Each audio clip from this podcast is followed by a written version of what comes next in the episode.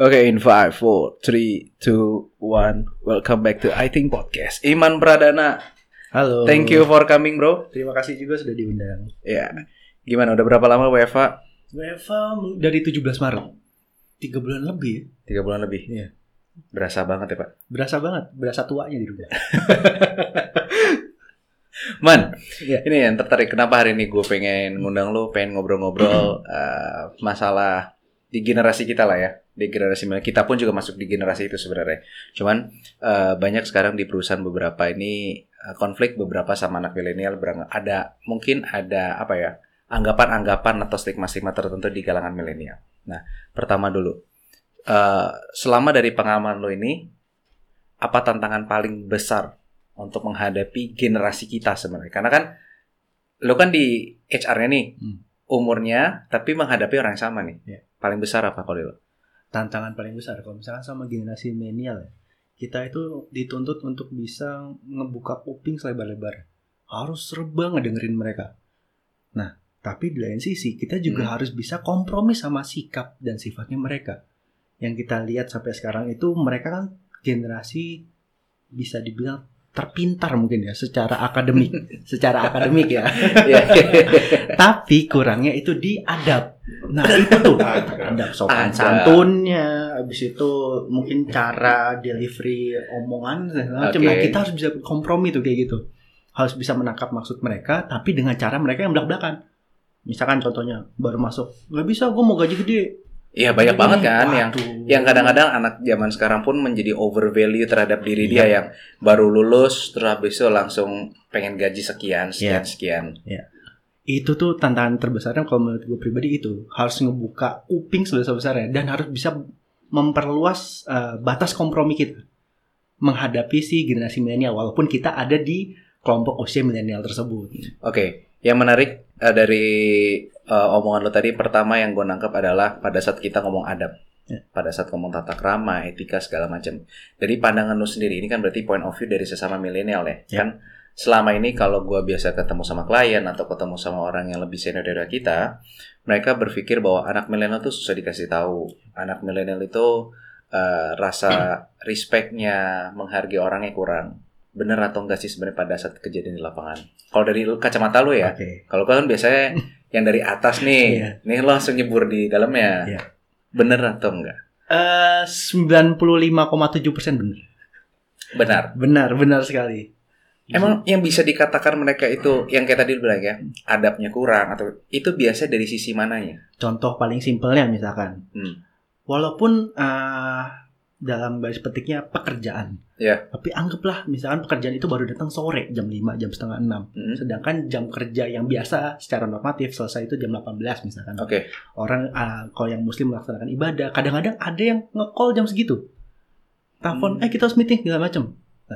Pertama, hal simpelnya kalau orang zaman dulu mau nelpon biasanya WA dulu atau misalnya SMS dulu. Iya, iya, iya. Mohon maaf nih, gitu kan. Kita mau ada yang mau diomongin, bisa nggak kalau ditelepon sekarang? Kalau Hmm. sekarang kayaknya hal itu tertinggal. Itu contoh simpelnya aja. Tiba-tiba langsung nelpon ngajak meeting.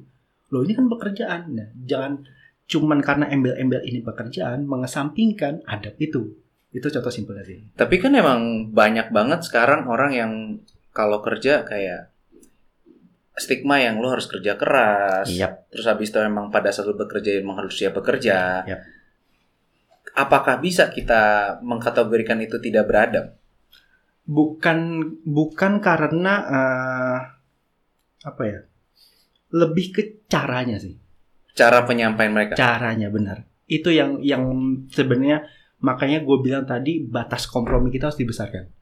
Karena Hmm. orang berkop gimana ya? Orang mikir yang misalkan orang eh, senior mikirnya Iya, iya. kalau yang jam segini ya sudah selesai jam kerjaan gitu. Kalau- Kalau misalkan mau mengganggu ya mungkin di besoknya. Hmm. Tapi di kita, ya apalagi yang di dunia startup ini kan tidak mengenal yang eh, kerja 9 to 5, 9 to 6 Iya. seperti itu. Ah. Ada yang bilang bisa kerja sampai 24 jam gitu. Iya kita nggak pun Iya. nggak masalah sebenarnya kerja gitu. Karena kan image-nya gitu kan, anak muda Iya. pulang malam ter- terlihat seperti kerja keras, Nah, pulang malam gitu benar. kan. Nah, tapi sebenarnya yang penting itu caranya.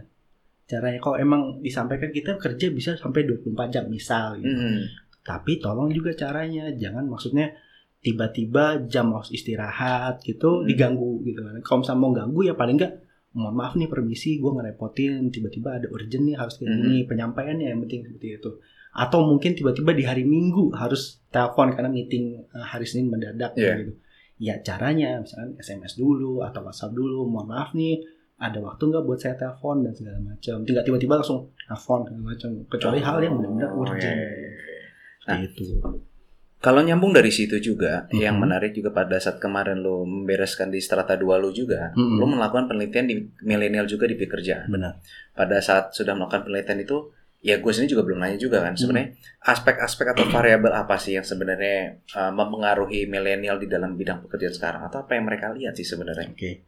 Kalau dari penelitian gue kemarin kan sebenarnya OCB, bukan OCB diet nih. Hmm. OCB itu Organizational Citizenship Behavior. Jadi Ah. kayak perilaku ekstra yang lo siap lakuin untuk organisasi organisasi atau perusahaan lo Hmm. gitu. Nah, sebenarnya kalau misalnya ngelihat dari situ banyak banget unsur bagi si generasi milenial ini. Nah, Hmm. kita mau ngomongin generasi milenial pun ada gapnya. Kita sebagai Iya, generasi iya. milenial gitu kan, tapi ada juga generasi milenial yang mungkin junior, yang Hmm. mungkin sekarang masih umur 23 tahun, 24 tahun seperti Hmm. itu. Itu akan beda unsurnya no. Kalau misalnya kita uh, nggak usah kita, gue pribadi Hmm. kalau misalnya mau ditanya unsurnya itu, gue cuma perlu tujuannya mau ke mana tujuan dari Hmm. perusahaan atau dari organisasi tersebut mau ke mana dan gue bisa nyusun tuh oh kalau misalnya mau tujuannya ke A gue harus ngebangun A B C D E sampai sampai ke outputnya A itu Hmm. nah kalau sekarang kayaknya orang-orang beda tadi yang Arnold juga sempat ngomong kayak baru lulus tiba-tiba minta gaji besar Iya. gitu. itu sebenarnya kita ngeliat dulu sebenarnya source of motivation ada juga seperti itu kan orang Hmm. tapi sifatnya rewarding harusnya setelah Oh. lo atau anda itu melakukan sebuah impact atau Hmm. hasil pekerjaan yang luar biasa kita akan reward anda. Tapi sekarang nggak demand yang duluan. Oh, gue minta gini tapi nggak tahu nih sebenarnya kerjanya bagaimana. Di itu itu sih no Kalau ya kalau dari dari pengalaman lu juga dari Hmm. dari pengalaman lu sebagai HR, pengalaman lu juga kemarin pada saat melakukan penelitian, Ya. hal ini itu sebenarnya disebabkan oleh apa sih sebenarnya? Karena kan pada saat kalau kita ngomong motivation itu kan pasti bergeser ya. Yap. Yang kayak tadi lu bilang pada saat zaman dulu itu tidak seperti itu atau eh, di di belakang kita, generasi belakang kita belum seperti itu dan sekarang sudah seperti itu. Nah, pada saat kemarin itu yang kalau lihat di lapangan terjadinya karena apa? Rata-rata. Mungkin gini ya eh, sebelum kita mau bahas gitu kita kan ngeliat bahwa generasi milenial ini ada perbedaan dari generasi sebelumnya Ya. kalau kita lihat perbedaan itu sebenarnya kan hasil Mungkin gini, Man. Hmm. Se- sebelum nyampe sana juga nih, Baik. yang gua- yang masih ada pergunjingan juga, gue Hmm, juga hmm. uh, tadi gue potong juga karena gue baru ingat langsung juga. Ya. Uh, kita sebenarnya bisa Hmm. menyebutkan milenial itu tuh batas usianya itu usia berapa sih? Karena sebelum kita terlalu panjang kan, Iya, iya. karena kan masih ada pergunjingan bahwa oh milenial tuh usia dari segi-segini bahkan terakhir yang gue baca ada ada milenial senior, ada milenial junior bener ya? benar Gua sekali benar sekali Kan kalau dulu kan cuma kebagi ada generasi X, Y, and Z. Ya. Tapi sekarang tiba-tiba keluar milenial, milenial senior, milenial. Iya. Nah, sebenarnya kita di usia berapa kalau dari kemarin lo lakukan? Kalau dari teori yang gua kemarin itu yang bisa dikatakan milenial itu gue lupa tahun kelahirannya pokoknya umur 24 tahun sampai 37 tahun Itu apa? itu milenial. Nah, kalau milenial 20 24 sampai 37 tahun. 24 sampai Oh. umur 28 atau 29 itu mi- milenial junior. Di atas itu 30 sampai 37 itu milenial senior. Seperti itu. Nah, tapi itu kan itu hanya kategori pengalaman berdasarkan usia, tapi nggak bisa kita uh, menyamakan ke sifat dan sikapnya. Seperti itu sih. Nom. Oke, berarti selain itu kita bisa mengatakan orang generasi milenial berarti tidak hanya bisa dari umur saja kan? Iya. Selain itu apalagi sih sebenarnya yang bisa apa ya berkata Identitas. identitasnya itu yang Hmm. bisa dikatakan itu selain umur apa sebenarnya? Identitas ya kalau misalkan milenial ini. Pertama mungkin karena ada arus perkembangan dan kemajuan teknologi dan informasi, mereka itu uh, lebih kaya, lebih kaya secara akademik. Oke. Seperti itu. Itu uh, yang membedakan sama um, kemampuan mereka dalam mengolah teknologi. Itu sih yang menjadi identiknya. Seperti itu. Iya, iya, Nah iya. itu gue nge-refer kemarin berdasarkan riset. Mhm. Teori sih itu dan gue masukin ke logika gue, iya juga sih. Karena Di lapangan juga seperti itu ternyata. Iya, di tahun kejadian. lalu sampai tahun sekarang Ya. satu-satunya yang maju cuma informasi teknologi dan uh, informasi dan teknologi maksudnya Heeh. itu doang yang maju. Nah sebenarnya yang akhirnya jadi membedakan antara generasi milenial dan sebelum-sebelumnya adalah mungkin uh, proses mereka untuk bisa mm, filtering filtering informasi dan Ah. menyebarkannya. Nah, itu yang jadi masalah kayaknya. Ya, ya, ya, ya. Bener nggak sih pada saat ma- kemampuan mereka memfilter ini salah satu dari dari kacamata gue ya melihatnya Iya. bahwa eh, dengan kemajuan teknologi yang ada dengan gadget yang semua orang udah pakai gadget serba canggih, kem- akses kita menuju untuk informasi itu semakin mudah sehingga akhirnya mereka itu menjadi eh, males kali ya, males untuk memfilter atau eh, males memvalidasi lagi berita ini benar atau enggak. Ngefek ke situ nggak sih sebenarnya? Sebenarnya bisa jadi iya, bisa jadi juga enggak. Itu kan Hmm. sebenarnya balik lagi ke kedewasaan berpikir dan bersikap dari pribadi tersebut. Hmm. Nah, kalau misalnya kita ngeliat kayak gitu, banyak banget nih faktornya. Salah satunya mungkin uh, turunan genetik, misalnya gitu. Misalkan Oh. ayahnya adalah orang seorang intelek yang bisa uh, validasi Ya, ya. informasi. Ada juga yang uh, mungkin apa ya? Lingkungan? Unsur lingkungan juga bisa seperti itu. Oh. Mungkin dia bergaul sama teman-teman yang kritis, Mhm. nah itu ya bisa juga terbawa seperti itu sih, no. Oke, berarti berarti secara tidak langsung pun juga bisa dikatakan bahwa teknologi atau informasi kemudahan akses sekarang ini itu juga bisa dikatakan bisa mempengaruhi atau tidak. Balik lagi anak itu tuh berkembangnya di mana? Benar sekali. Oleh siapa baik dari circle keluarganya Benar atau baik dari lingkungannya. Benar sekali. Gini man, ini gue gue juga penasaran juga karena gini banyak banget eh, stigma Mhm. beranggapan bahwa kayak aduh kalau sama anak milenial ini nih itu tuh susah untuk kerja dengan yang lebih senior atau yang kayak sempat tadi lu singgung ya ada ada gap sekarang Iya. di banyak di banyak perusahaan itu banyak sekali terjadi gap akhirnya sekarang bahkan yang gue lihat adalah yang paling penting malah menurut gue ya terjadi ada gap komunikasi karena salah satu aspek yang tadi umur Iya. bergaul itu berbeda Iya. nah bagaimana lu juga sebagai milenial dan menanggapi stigma tersebut karena kan lu juga bekerja di perusahaan tersebut Hmm. lalu lu juga sebagai orang yang uh, HR di sana menghadapi stigma seperti itu Kalau misalnya dari gue pribadi menghadapi stigma seperti itu, ya hal itu bukan hal yang tabu ya. Emang terjadi banget di perusahaan-perusahaan mana pun. Mm-mm. Karena hal regenerasi uh, umur itu pasti ada ke depannya nih. Ya. Anak muda masuk. Nah, terkait gap itu memang benar. Memang benar. Benar. Generasi sekarang itu uh, secara komunikasi itu berbeda banget. Berbeda banget. sampai sebeda apa sih sebenarnya sampai karena kan ini sering banget dibahas sama orang aduh generasi milenial ini beda banget nih gapnya terlalu jauh. Emang sebeda apa sih? Sebeda kalau misalnya kita ngomongin sebeda apa ya sesimpel ini. Misalkan orang tua itu uh, mulai mungkin dari orang tua kita segala macam sebelum mereka melemparkan suatu statement atau apa pun mereka mungkin mikir-mikir. Ya kalau misalnya gua ngelempar statement A imbasnya ke mana ya? Mm-mm. segala macam. Nah kalau misalnya generasi sekarang kayaknya filter itu tuh kurang nggak ditahan lepas aja semua Oh. Nah, mungkin uh, sifat belak-belakan ini juga di lain sisi bisa bawa positif, bisa bawa negatif, tergantung. Makanya balik lagi ke kedewasaan berpikir dan bersikap itu, no. Oh, oke Dan balik lagi ke awal yang gue bilang tadi, melebarkan batas kompromi itu lagi sih. Nah, sampai sebatas mana kita bisa kan uh, ya gue gue setuju banget Hmm. dengan lo bahwa pada saat kita melebarkan uh, Kompromi. kompromi. tadi itu akan lebih mudah lah untuk menyesuaikannya. Tapi banyak pertanyaan juga dari orang bahwa sampai sampai selebar apa kita harus kompromi karena orang berpikir kayak saya udah kompromi loh cuman lama-lama ya capek juga lah Iya. kalau saya ngikutin dia terus gitu loh. Iya, iya. Nah. Kalau dari lu sendiri sampai sebatas apa kompromi yang kita boleh lakukan di perusahaan? Nah, kalau gue pribadi, gue pasti akan mengacu kepada norma, no. Mm-mm. Norma, jadi ibaratnya gue dari kemarin-kemarin tuh diajarkan atau dididik dengan norma ya, integritas dan segala macam. Ya selama mereka cara penyampaiannya belak-belakan nggak Hmm. masalah, tapi tidak menyalahi norma, gue pun akan menerima. Misalkan lagi interview, Mm-mm. biasanya orang interview kan pasti akan sopan dulu kayak Iya. oh saya ini, Iya, ya, iya. anda bagaimana? Kalau misalnya oh gue mau kayak gini, ini, ini, Sekarang kayak gitu. ada yang kayak gitu. Wow. Tapi di situ gue kan melebarkan kompromi gue mau lihat oh outputnya bagaimana sih karena sebenarnya perusahaan itu membutuhkan hasil kerjanya Mm-mm. bukan sebenarnya cara dia mengemas komunikasi dan segala macam Iya, ya mungkin iya. itu perlu lah Iya, segala iya. macam. nah tapi ya udah gue balik lagi ke norma itu Hmm. selama maksudnya tidak melanggar norma Iya. tidak merugikan siapa pun ya Ah. udah nggak masalah gitu loh tapi tentunya setiap orang punya batas kompromi yang beda-beda gitu sih ini dari kacamata gue Oh, pribadi akhirnya akhirnya sekarang lo uh, melihat orang itu menjadi pertama dilihat outputnya terlebih Iya, dahulu benar sehingga sehingga tidak terjadi judging di awal karakter seperti apa. benar Kalau kayak gitu, seberapa penting dong karakter untuk di dunia pekerjaan sekarang untuk di milenial? Kalau misalkan gue mau ngomong jujur tuh karakter agak susah ya Dokter. Karena gue pribadi ngeliat orang itu sekarang uh, cenderung Mhm. untuk menyesuaikan kemauan atasan. Jadi dalam arti Hmm. lain mengesampingkan karakter. Nah kalau misalkan gue pribadi, gue Iya. gue kan uh, emang didikir seperti itu dari kecil yang punya Iya. karakter seperti ini.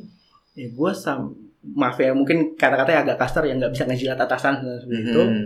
Ya nggak masalah selama gue bisa menjual output yang menjanjikan seperti itu. Nah sampai detik ini Mhm. gue sangat sangat susah banget menemukan uh, anak-anak pemuda Hmm. milenial yang Hmm. mempunyai karakter kuat integritasnya lah kejujurannya lah segala macam itu susah sekali Di zaman sekarang ini. benar sekali selalu yang uh, misalkan bosnya ngomong A oh ya udah deh bagaimana caranya harus bisa ngegolin A ini nih ya nggak gitu juga kalau misalnya ternyata A ini salah membawakan kerugian lebih banyak daripada perusahaan Mhm. ya bilang dong enggak gitu loh nah sekarang susah banget ketemu anak milenial yang bisa bilang enggak tapi Mhm. justru eh tapi tentunya didukung dengan fakta dan data. Iya, iya, iya. Gitu sih. Pada saat pada saat kita bilang tidak atau kita tidak menyetu- menyetujui sesuatu diperlukan ada fakta-fakta atau Iya. kemudian data-data untuk uh, pembenaran di situ. Benar. Nah, yang menarik juga adalah banyak sekali gue dengar curhatan dari teman-teman gue juga segala macam gue lihat dari teman-teman gue juga. Bukankah uh, behavior itu yang salah satu dibentuk oleh perusahaan-perusahaan sekarang?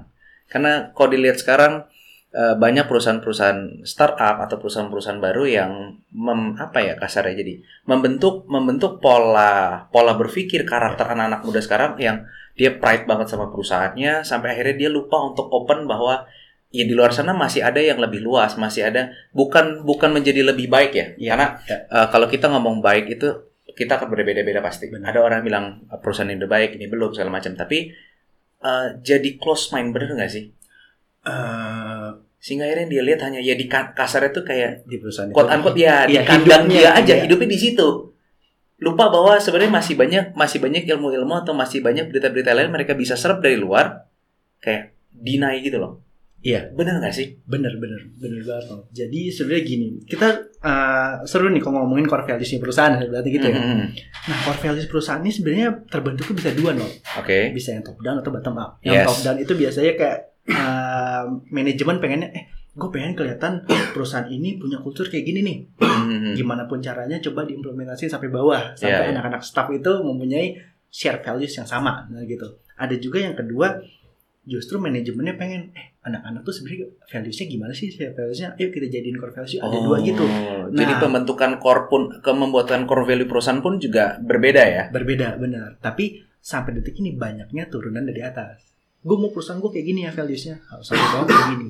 Oh. Seperti itu. Ya banyak sih perusahaan teknologi sekarang yang brandingnya bagus banget. Ya ya ya, valuesnya ya. bagus banget yang keluar gitu. Nah tapi sebenarnya itu ya kepinginan atasnya.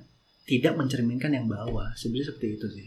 Nah, kalau dilihat kayak gitu sebenarnya itu itu apakah emang eh, value itu yang mau ditanamkan kepada yang sampai bawah? Atau adanya eh, kegagalan komunikasi untuk sampai bawah bisa dua-duanya no. bisa terjadi dua-duanya Bisa terjadi dua-duanya. Nah kedua ini, eh, yang kedua tadi kan komunikasi sampai bawah. Iya. Nah kita tuh susah banget yang namanya menanamkan values. Values tuh nilai. Heeh. Kalau diomongin doang tuh kayak nggak masuk gitu loh di kita. Ah. Kayak oh ya dia cuma lewat gitu doang. Tapi perlu ditanamkan kan. Hmm. Nah ditanamkan ini pasti dididik, harus ditempah segala macam. Hmm. Ini susah. Jelas komunikasi itu menjadi barrier yang sangat tebal sekali. Karena ya itu values itu bentuknya tidak berbentuk lah ibaratnya. Mm-mm. Gitu sih. Nah yang pertama itu tentang uh, perusahaan tuh pengennya seperti itu loh valuesnya. Ya iya, mungkin manajemen mikirnya, oh dengan values seperti ini nge- bisa ngedrive perusahaan yang kayak gini nih, gitu kan Mm. bisa lebih baik. Ternyata nggak juga, kan harus melihat Indonesia bagaimana sih culture-nya, anak-anak kita gimana sih. Mm-mm. Nah, habis itu mungkin values yang dia pingin, misalnya dia pikirin itu Iya. harus ditanam perusahaan, itu tahun berapa? Kalau misalnya kita Oh. apply di 5 tahun mendatang, 10 tahun mendatang, masih bisa nggak sih? Seperti itu sih dong. Oke ya ya ya ya. Nah kalau kita kal- berarti kalau gitu kan nggak tahu. Kalau gue lihat sekarang berarti banyak sekali yang tadi juga bilang bahwa perusahaan itu membentuk akhirnya menjadi yang dari atas ke bawah seperti itu. Iya. Nah kalau dari dari sudut pandangmu sendiri bagaimana kalau kita ngeliat sekitar 3 atau lima tahun ke depan dengan dengan adanya seperti ini berarti kan kasarnya adalah kita memiliki sumber daya tenaga kerja di milenial itu yang akhirnya tertutup dong karena sudah terbentuk di satu perusahaan dan akhirnya untuk pada saat kita punya uh, kita punya sumber ya hanya di situ saja kemampuannya. Akhirnya ya itu juga yang membentuk nggak tahu kalau dari gue juga itu akhirnya membentuk juga akhirnya terjadinya kayak perdebatan atau perselisihan sehingga akhirnya menganggap bahwa oh uh, perusahaan lu tuh jelek perusahaan gue tuh bagus. Padahal mungkin dia belum tahu secara uh, dalamnya seperti apa pandangan lu gimana ke depannya kalau kayak gitu karena kan kalau kayak gitu jadi susah dong Iya, benar. Itu kayaknya sampai detik ini tuh gue masih nyari cara gimana cara ngelunturin, Hah? ngelunturin pemikiran anak milenial kayak gitu. Karena maksudnya masuk ke perusahaan besar, anggaplah kita punya perusahaan teknologi besar banyak nih di Jakarta. Mm-mm. Masuk situ pride tinggi banget tuh. Ya Wah, aku di sini nih, gitu kan. Lo perusahaan apa? Perusahaan kecil. Karyawan lo berapa? 80 berapa? Oh, udah ribuan segala macam. Iya. Ya nggak juga, nggak nggak bukan berarti karena perusahaan lu besar ribuan orang Hmm. mempunyai values yang bagus juga enggak juga gitu loh. Nah, sebenarnya balik lagi eh, cara melunturkannya itu sebenarnya gimana ya? Dididik nih no. Kalau kita kan dari kecil kan dibentuk Mhm. sama orang tua kita Iya. sampai bisa jadi seperti ini. Mhm. Nah, sampai sekarang itu eh, caranya kan tidak dididik, tapi hanya dikomunikasikan. Ya udah dipersuasif tuh. Ya Oh. itu kayaknya nggak bakal masuk gitu loh. Karena namanya values yang intangible itu harus ditanamkan di bawah benak sadar kita gitu loh. Berarti takes time dong. Iya, benar sekali. Harus take time karena kalau misalnya kita nyadarin diri kita sendiri misalnya gitu, kita hidup 26 27 tahun Hmm. dari awal di tempat sampai mungkin belasan tahun ya kayak gitu. Berarti gini man, ini kan lu sendiri juga di perusahaan lu sendiri sebagai HR untuk yang membentuk salah eh, yang berkewajiban untuk membuat suatu eh, kehidupan atau eh, aturan-aturan yang ada. Iya. Berarti dengan kalau lu bilang seperti ini, ini takes time. So berarti pilihan apa dong yang harus dilakukan perusahaan? Kalau Jadi, untuk melunturkan ini minimal untuk bisa mendapatkan atau uh, minimal bisa merang apa ya menggait dong anak-anak milenial gitu. Karena ini kita masih belum next lagi karena yang anak milenial ini kan banyak sekali yang bekerja itu sebenarnya jadi kayak batu loncatan. Iya. dan sampai hari ini pun juga kalau gue ketemu sama di generasi-generasi kita atau bahkan di bawah-bawah kita kalau dilihat CV-nya ya mentok itu kerja paling lama itu tiga tahun itu udah wah gila gue bilang itu the best banget. Iya. nah itu kan berarti juga tantangan buat perusahaan Benar. yang harus berarti sudah memprediksikan bahwa uh, Umur bekerja. umur bekerjanya jadi pendek banget. Pada saat umur bekerja semakin lebih pendek, perusahaan juga akan jadi bingung juga untuk menyesuaikan kembali kemampuan orang beda. Benar. Nah ini kan tantangan banget juga buat lu juga di HR dong sebenarnya. Benar. Nah bagaimana dong ke depannya untuk untuk bisa minimal mengatasi lah hal seperti ini? Balik lagi coba gue mengambil kemarin irisan yang memperbesar kompromi itu Hmm. sebenarnya kalau misalnya untuk uh, perusahaan itu sendiri kita Hmm. yang penting ada technical core-nya. Oke. Misalkan uh, seorang HR itu harus membuat m- bisa membuat technical set, competency set, nah seperti itu. Iya. Nah, misalnya rekrutmen harus bisa behavior rekrutmen dan segala Iya. macam. Nah, hal-hal seperti itu yang spesifik-spesifik itu itu yang kita lihat. Sisanya bisa kita kompromikan dari misalnya cara komunikasinya, habis Mhm. itu satu tapi yang paling penting loh, ini nggak boleh ketinggalan banget adalah common sense-nya Hmm. dari cara dia berkomunikasi, habis itu cara dia melampirkan faktanya, bagaimana uh, memperkuat argumentasi itu nggak boleh ditinggalkan sih. Jadi kompromi kita tuh sebatas di caranya dia komunikasi nggak masalah gitu. Lo mau belak belakan ya silahkan. Tapi outputnya technical core-nya lo nggak boleh hilang. Oke, berarti kalau kayak gitu, nih da- dari yang gue tangkap dulu ya, Iya, iya. correct me if I'm wrong. lama kelamaan berarti perusahaan-perusahaan misalnya saya contoh perusahaan-perusahaan baru atau mungkin perusahaan-perusahaan yang tadinya isinya belum di milenial, mau tidak mau kalau kita membuktikan dari data sekarang, generasi milenial itu sekarang memenuhi pasar yang lebih banyak Benar dan sekali. itu adalah calon calon sumber daya tenaga kerja untuk ke depannya. Benar. Berarti ke depannya beberapa perusahaan itu akan merubah yang kayak tadi lu bilang membuat core value dong yang tadi pada tadi top down. Berarti akhirnya sekarang sudah harus mengerti dari bawah ke atas. Ya harusnya seperti itu kalau kita ngomongin secara ideal ya. Tapi kan sebenarnya uh, bagi kita yang mengerti itu mungkin bisa paham. Mungkin bagi orang yang luar yang hanya uh, memperkaya akademik dan teknisnya mereka, mereka nggak akan sampai ke situ mikirnya. Karena sampai detik ini uh, melihat perusahaan tuh sebenarnya orang mikirnya bagaimana menciptakan produk yang bisa menjawab tantangan. Nah, Hmm. values kan nomor sekian nih. Iya, iya. Udah, ntar aja. Yang penting perusahaan gue mendapatkan uh, apa profit yang tinggi seperti itu. Mm-mm. Nah, kalau misalnya kita ngomongin values itu harusnya menjadi concern dari pendiri perusahaan itu karena kita aja menjawab milenial ini bisa belum bisa 100%. Bagaimana Iya. nanti generasi selanjutnya setelah milenial itu sih yang jadi Karena kan sekarang perubahan cepat banget dong. parah. Karena yang pada saat kita di pada saat sekarang kita di milenial, Iya. yang terakhir gue baca aja bahkan udah masuk ke generasi Z nih, yang Hmm. anak-anak lahir sudah menggunakan teknologi segala macam. Iya, iya. Pada saat kalau ini kasus ini aja belum bisa dibereskan saat ini juga, bagaimana kita bisa menghadapi yang generasi Z yang tadi, Iya, yang sudah lahir dengan teknologi yang Benar bahkan kalau kita nih kan ibarat kata masih ke tengah-tengah lah, Iya. kita masih ada yang tahu zaman kunonya, Benar. tapi kita sudah nyicipin sekarang. Iya. Nah berarti ke depan ini perusahaan seperti apa dong? Kalau kayak gitu berarti kan harus ngerti yang bawah harus susah juga pada saat kita bikin perusahaan punya visi misi, punya value yang kita bawa, tetapi di satu sisi sumber tenaga kerja yang ada nih yang tersedia sekarang, yang kita harus mengerti yang kita dulu bilang ber- berkompromi kepada mereka. Nah, berarti kalau gitu terus sekarang seberapa penting dong perusahaan itu memiliki value atau memiliki uh, visi misi dong. Kalau zaman dulu yang zaman dulu kita pelajari adalah perusahaan harus punya visi misi yang jelas, harus punya ini kan. Kan nggak cuma visi misi untuk membesarkan suatu perusahaan atau barang kita laku, tapi bagaimana membentuk uh, behavior, organization Ya. behavior itu yang perilaku organisasi itu juga salah satu penting kalau dari gue juga. Benar. Karena pada saat lu punya perusahaan yang bagus, penjualan lu bagus, sistemnya bagus, tapi pada saat di dalamnya berantakan, Ya. akan mati juga kan. Berarti kalau dari pandangan lu nih, ke depannya akan menu akan lebih turun atau gimana dong? Akan menjadi dilupakankah atau akan bisa tetap dipertahankan? Values-nya atau apa nih? Eh, si perusahaan ini memiliki visi misi, value segala macam. Karena kan tadi lu bilang sendiri bahwa Iya.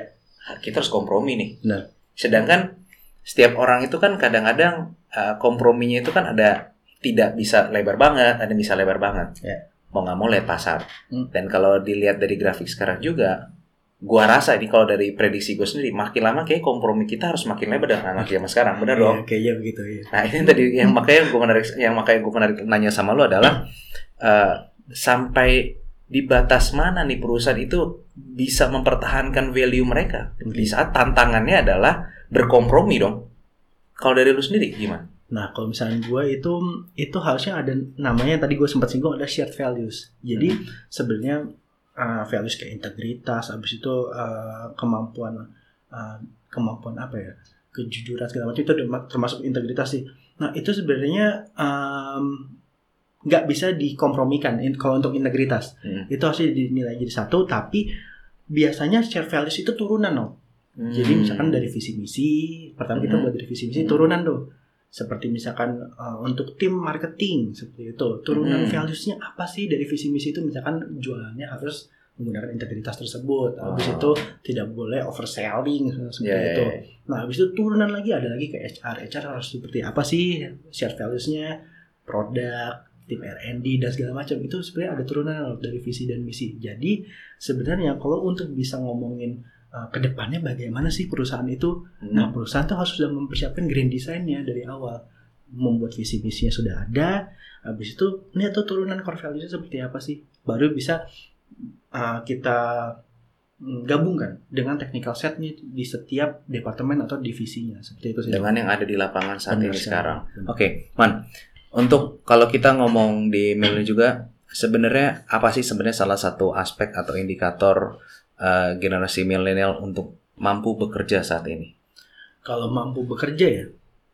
Karena kan banyak banget mungkin yang dengerin podcast atau yang nonton video ini Mhm. eh, lagi di semester-semester akhir mempersiapkan pekerjaan yang mereka masuk di dunia yang baru di dunia pekerjaan. Sebenarnya indikator apa sih yang dilihat untuk suatu perusahaan? Mungkin nggak sama, tapi kalau Ya. dari pengalaman lo, pengalaman lo juga apa sih sebenarnya indikator yang dilihat? Oke, kalau untuk milenial sekarang, kalau dari kacamata gue pribadi itu gue butuh orang yang mempunyai common sense yang tinggi. Oke. Common sense ini dalam arti uh, setiap anda bikin argumen, misalkan mau berargumen dengan siapa pun gitu kan, Mhm. tolong disertakan dengan data, jangan hanya perspektif. Ya, ya. Itu itu yang paling susah. Habis itu apalagi ya dari tingkat kepedean gue nggak mungkin bisa uh, mengalahkan generasi milenial sekarang dia sebenarnya pede banget parah nih. Iya, iya, iya, itu iya, iya, kalau iya. secara akademik, Oke. secara teknis Nah, iya. mereka nggak mungkin kalah. Udah pinter banget. Mhm. Tapi tolong sifatnya dan sikapnya itu dijaga karena kita sampai detik ini masih bekerja dengan dua generasi di atas. Mhm. Masih ada generasi uh, yang agak senior lah. Iya. Nah, di situ harus menjaga tetap sikap gitu. Nah, itu si note 2 itu pertama. Pertama common sense yang harus didukung dengan data, Mhm. kedua adalah uh, sikap untuk bisa menyesuaikan, adaptasi gitu. Oke oke. Terakhir man, yang gue mau nanya juga ini. Ya. Bagaimana uh, menurut pendapat lo atau stigma yang beranggapan bahwa anak milenial melihat generasi atas tuh kayak ah mereka kan tua banget tuh, mereka yang nggak ngerti kita. Mereka tuh, nih gue udah presentasi, gue udah Hmm. coba kayak gini segala macam, mereka tuh nggak ngerti. Nah tapi kan di satu sisi sebenarnya kalau kita melihat yang ke atas, di atas juga melihat seperti hal sama ya, Iya. maka itu Iya, terjadi betul. gap, bener ya? Benar benar Nah, benar. itu yang terakhir mungkin eh, pendapat lo atau selama ini lo pengal dari pengalaman lo sebenarnya kejadian di lapangan itu seperti apa sih? Apakah emang kenyataannya generasi atas itu susah banget menerima kita atau mereka tuir banget atau malah ada ada kesalahpahaman dari diri kita di milenial nih? Sebenarnya uh, itu balik ke kedewasaan masing-masing no. Hmm. Jadi kalau misalnya anak-anak uh, muda sekarang kan bahasanya kan kayak slang gitu loh. Hmm. Bahasa gaul segala macam yang mungkin bahasa itu tidak bisa diterima atau tidak diajarkan dulu pada generasi yang senior seperti itu. Iya. Bingung kan?